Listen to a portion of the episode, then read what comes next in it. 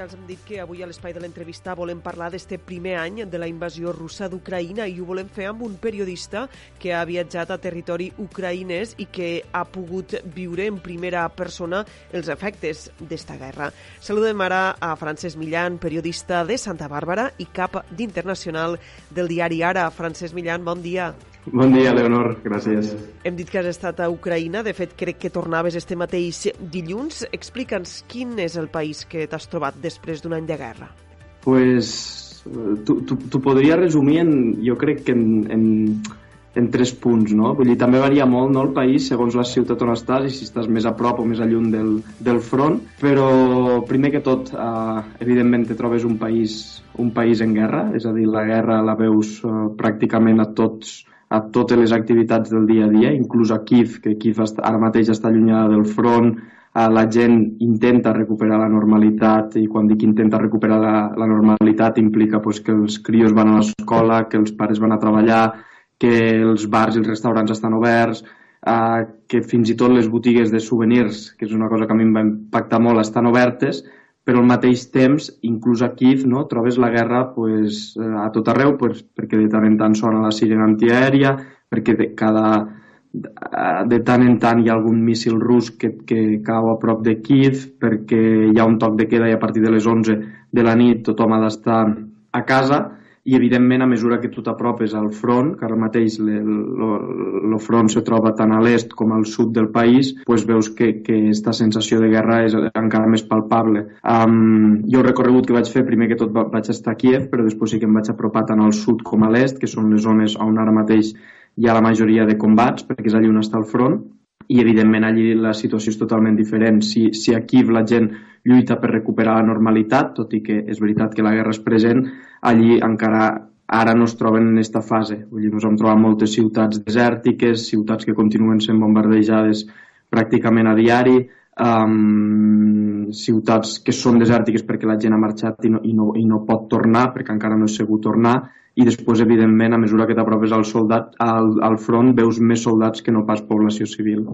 Ens explicaves que a la capital, a Kiev, que, que viu allunyada de, del front de guerra, la gent eh, intenta recuperar la normalitat i, i podem dir que no sé si s'ha acostumat no, a conviure en una situació de guerra. Ah, això és una de les coses que també em va impactar, no? perquè al final jo crec que l'ésser humà ens acostumem a tot, o almenys intentem acostumar-nos a tot i en aquest cas, pues sí, la, la gent de Kiev, i reitero que ara Kiev no està a prop del front i per tant eh, és més fàcil intentar recuperar la normalitat que les zones que estan a prop dels combats, però sí, la gent de Kiev lluita per a recuperar la, la, la normalitat i en aquest sentit veus que s'han acostumat no? totes aquestes dinàmiques de la guerra, és a dir, s'han acostumat a que um, per una banda a les 11 de la nit hi ha el toc de queda, s'han acostumat a les alarmes antiaèries, fins al punt que moltes vegades ja sona l'alarma antiaèria i no s'immuten, continuen fent el seu dia a dia, és a dir, no van, no van als refugis. És, és curiós perquè és una ciutat que està plena de contrastos, no? De la presència esta de la guerra, però també de la gent que el que vol és intentar pues, eh, continuar la normalitat perquè no els hi queda altre. M'ho explicava un, esta reflexió me la va fer bastantes, bastantes persones de Kiev, no? que també el fet d'intentar recuperar aquesta normalitat, de per exemple anar una nit a, a, un, a un restaurant a sopar o, o d'anar a un pub a ballar, que també hi ha pubs que la gent pues, hasta les 11 de la nit pot anar allí i, i ballar una mica, també és com una mena d'acte de resistència perquè no hem d'oblidar que, que, que un dels principals objectius de, de, de Putin quan va llançar la invasió ara fa un any era intentar arribar a Kiev i controlar Kiev per tant, tot allò que sigui intentar recuperar la, la normalitat també ho entenen com un acte de resistència en el sentit que, um, tot i la guerra, uh, viure o intentar viure pues, també és, és un acte de, de resposta a la invasió que ha llançat Rússia. Una de les imatges que també ens va impactar ara fa un any era tots aquells milers de persones que fugien del país, sobretot dones i xiquets i xiquetes i crios que fugien del país. Tu la sensació que tens és que gran part d'esta població ha retornat a, a Ucraïna. No sé si has pogut anar a Polònia, no? que era on van acollir primer els refugiats, i, i també si has pogut veure aquesta situació, eh? quina és ara mateix. És a dir, hi ha una part que sí que ha tornat, perquè sobretot les primeres setmanes d'invasió i evidentment hi havia molta més incertesa de com evolucionaria aquell conflicte, va marxar moltíssima, moltíssima gent. recordo que, per exemple, per a sortir de Kiev hi havia doncs, molts embotellaments de cotxes perquè tothom volia sortir, els trens anaven carregats de gent cap a Polònia, però a poc a poc hi ha una part d'esta població que ha anat tornant, perquè un any després doncs, la guerra d'alguna manera um, no m'agrada dir-ho així, però és veritat que s'estabilitza en el sentit de que es concentra molt més a l'est i al sud, vull dir, comences a aprendre, no? el que parlàvem abans, comences a aprendre a viure les dinàmiques de la guerra i les coneixes més.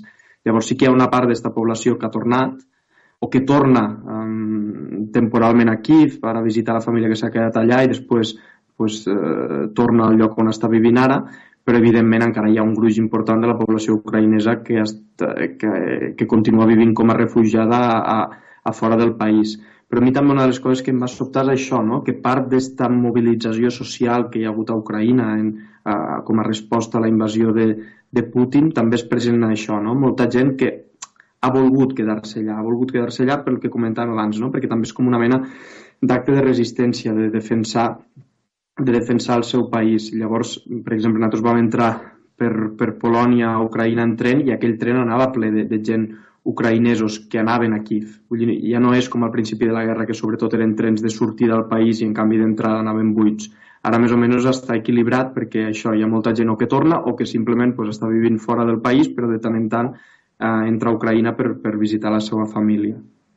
Ara ens parlaves d'esta resistència no? de, dels ucraïnesos. Eh, fa un any de, de la guerra que havia de ser ràpida i Ucraïna no només conté els russos, sinó que els ha anat desplaçant, no? eh, cap a, sobretot cap a les zones frontereres. Eh, com s'explica no? que, que Ucraïna sigui capaç de fer front a l'exèrcit rus? És aquesta resistència que, que ens comentaves ara? Creus que, que és un dels elements importants?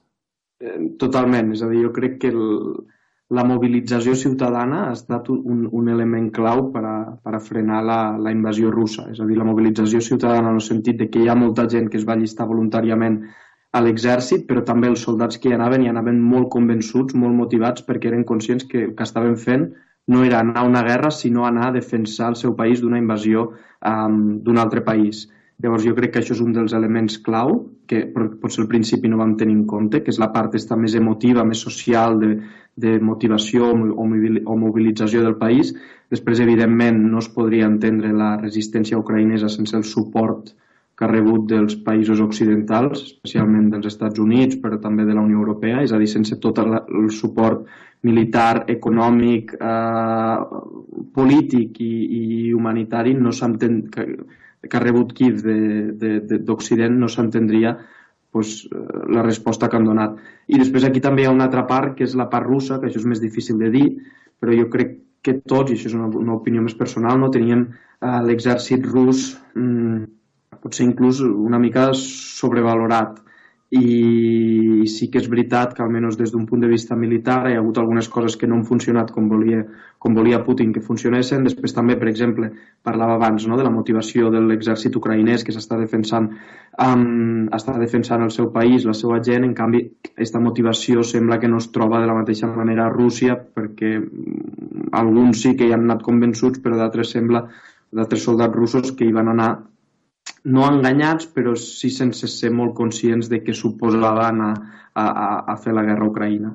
Llavors jo crec que aquests tres elements, la mobilització ciutadana i per tant la motivació de l'exèrcit, el, el suport um, que ha sigut clau d'Occident i la part esta d'una estratègia que no li ha acabat de sortir com volia Moscou han sigut, han sigut tres claus molt importants per entendre que un any després ens trobem en aquesta situació, és a dir, que no ha sigut cap guerra llampec, que és una guerra llarga i que Ucraïna ha recuperat moltes de les parts que, que Rússia va, va, va, va ocupar al principi de la invasió. Ens parlaves ara de, de la motivació de l'exèrcit rus. De fet, tu vas dedicar un article a, a parlar dels, dels soldats, soldats molt joves, alguns moren no? al front de, de guerra, però no hi ha xifres oficials, no? És difícil saber eh, quantes persones moren en aquesta guerra, tot i que tu vas ser no? testimoni d'alguns funerals de soldats.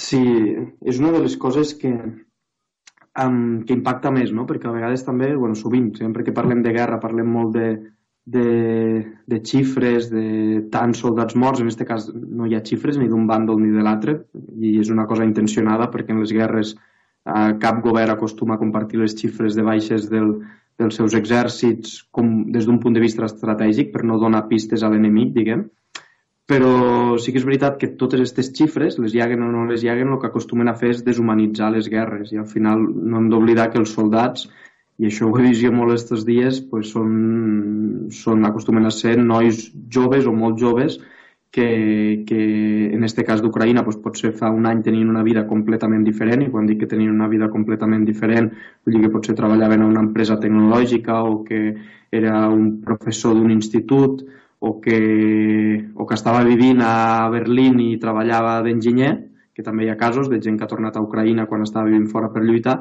i ara es troben posats a una guerra que, que sembla una guerra de la Primera o de la Segona Guerra Mundial.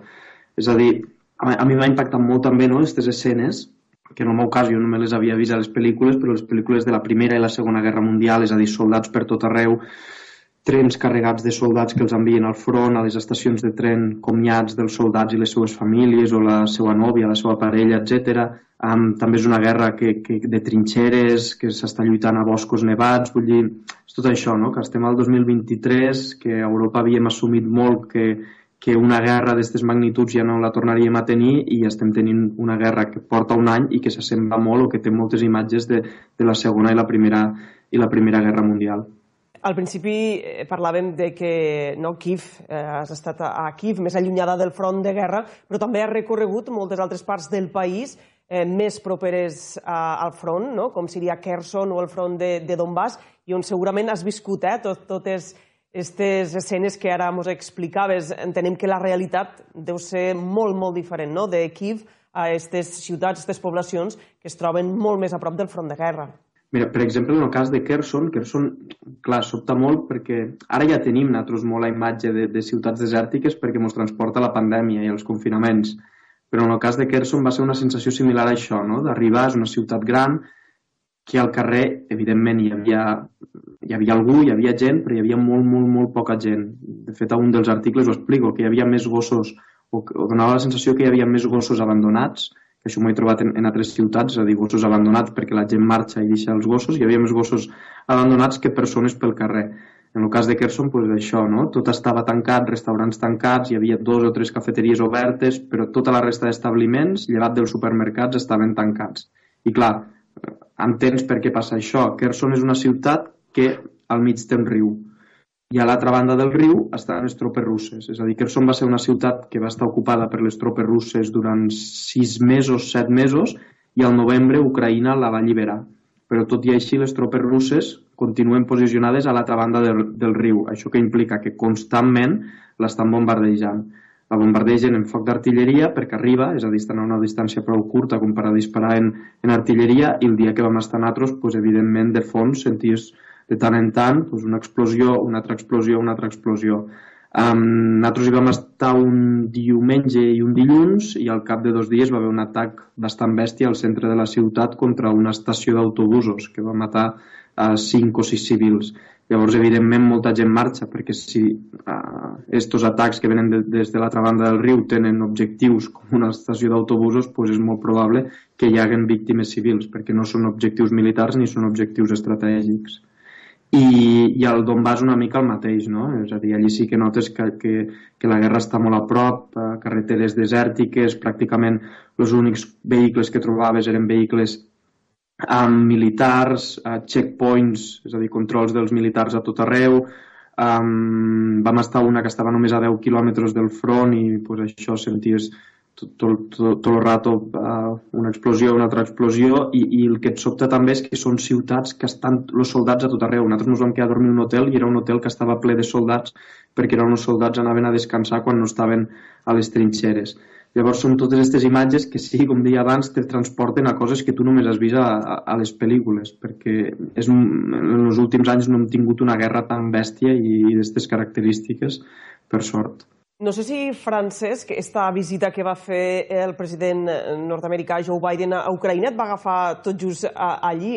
Eh, abans ens ho comentaves, eh? és un dels principals aliats d'Ucraïna i podem dir que aquesta guerra està trastocant una mica no? este ordre internacional. Sí, um, a mi em va agafar, és a dir, jo no estava aquí, en aquell moment estava més a prop del front, estava al sud, a Kherson, precisament, a Kherson o, o, o una ciutat del costat, i per tant no vaig poder estar aquí quan va arribar Biden, però sí, evidentment ha trastocat totalment l'ordre internacional, és que jo crec que ho ha trastocat tot um, per diversos motius. En primer lloc, doncs perquè crec que estem a un panorama global que es torna a, visibilitzar d'una manera prou nítida aquesta divisió entre dos blocs, no? que és Occident i el que és Rússia i aquells que donen suport o si més no no condemnen l'agressió a Rússia, ens trobem a, una, a un moment de tensió brutal entre pues, el que és Occident, sobretot els Estats Units i, i, i, i, i Moscou. Eh, la Xina juga un paper eh, molt, molt estrany, és a dir, que no s'ha acabat de posicionar, però jo crec que si es posiciona, o el fet de no posicionar-se és que el que fa és que li acaba donant suport a Putin. Llavors, evidentment, Europa també pues, ha tornat la guerra a Europa, són països o governs que ens estem tornant a militaritzar d'una manera brutal, la guerra s'ha tornat a posar a, a, la, a, la, als, a les primeres posicions de, de, de les prioritats dels, dels governs europeus, i evidentment ha canviat molt vull dir, també des del punt de vista Estats Units i Europa pues, estan més alineats que això evidentment té coses positives però també té, té de negatives i sobretot no, una mica el que, el que uh, fa por, por pensar és una mica el futur de tot això no? de fins a quin punt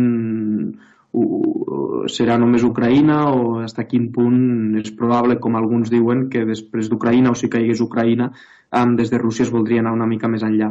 Una de les coses també que és molt interessant de dir és que hi ha molt la concepció dins a Ucraïna, entre els soldats, entre les tropes, que estan lluitant no només per Ucraïna, sinó que també estan lluitant per Europa. Des d'allà tenen molt clar que si Rússia fes, hagués aconseguit eh, envair Ucraïna, això és el que diuen allà, evidentment, no s'hagués quedat a Ucraïna. Vull dir que potser al cap d'uns anys hagués intentat una altra cosa. Per tant, ells tenen molt clar que no només estan lluitant per ells mateixos, per Ucraïna, sinó també per Europa, per, per, per evitar um, caure, perquè si caus doncs després és més fàcil que en 4 o 5 anys la part agressora ho pugui, ho pugui tornar a intentar un altre país. Des de l'inici ja, ja es va veure que no seria una invasió ràpida com pretenia Rússia. A hores d'ara, un any després, hem de pensar que el final de la guerra encara, encara està lluny. Eh, quina és la situació ara mateix? Crec que hi ha una proposta d'intermediació que ha fet també la Xina. És la pregunta del millor. Um, diguem que inclús havent estat allà, però ara per ara no hi ha cap indici que et pugui fer pensar que aquesta guerra s'acabarà pront, al contrari. No, no, no hi ha res, potser al principi sí que és veritat, durant les primeres setmanes, primers mesos, que es va parlar una mica més de negociacions, de propostes de pau, etc. Però, però ara la guerra està molt enquistada des d'un punt de vista militar, però també des d'un punt de vista polític, tot i la proposta aquesta que s'ha fet ara des de la Xina. Jo en aquest sentit soc pessimista, i això ja és una opinió més personal, um, per dos motius. El primer, perquè ara mateix és això, estem molt enquistats des d'un punt de vista militar, però també des d'un punt de vista polític i diplomàtic. No sembla que hi hagi cap via activa per, per intentar um, posar fi a la guerra, perquè evidentment Rússia vol una cosa i Kiev demana una altra cosa, d'una manera totalment lògica, perquè és veritat que parlar de pau és una mica difícil tenint en compte que no és una guerra, sinó que és un país que es defensa d'una invasió. Um, I després l'altra cosa per la qual no sóc molt optimista és perquè molts analistes militars coincideixen a dir que ara a partir de que torni la primavera i per tant les condicions meteorològiques milloren, s'està preparant una contraofensiva tant ucraïnesa com russa. Vull dir, en les últimes setmanes Rússia ha intensificat atacs, ha intensificat combats sobretot a l'est i al sud del país, però la majoria d'analistes militars creuen que de cara a la primavera se reactivarà encara més pues, tota, uh, tot, totes aquestes ofensives. Llavors, ara per ara a mi em sembla difícil pensar en, en, en una solució propera. Francesc Millan, eh, enhorabona per la feina feta. Moltíssimes gràcies per haver estat avui al programa i te seguim llegint al diari Ara. Gràcies.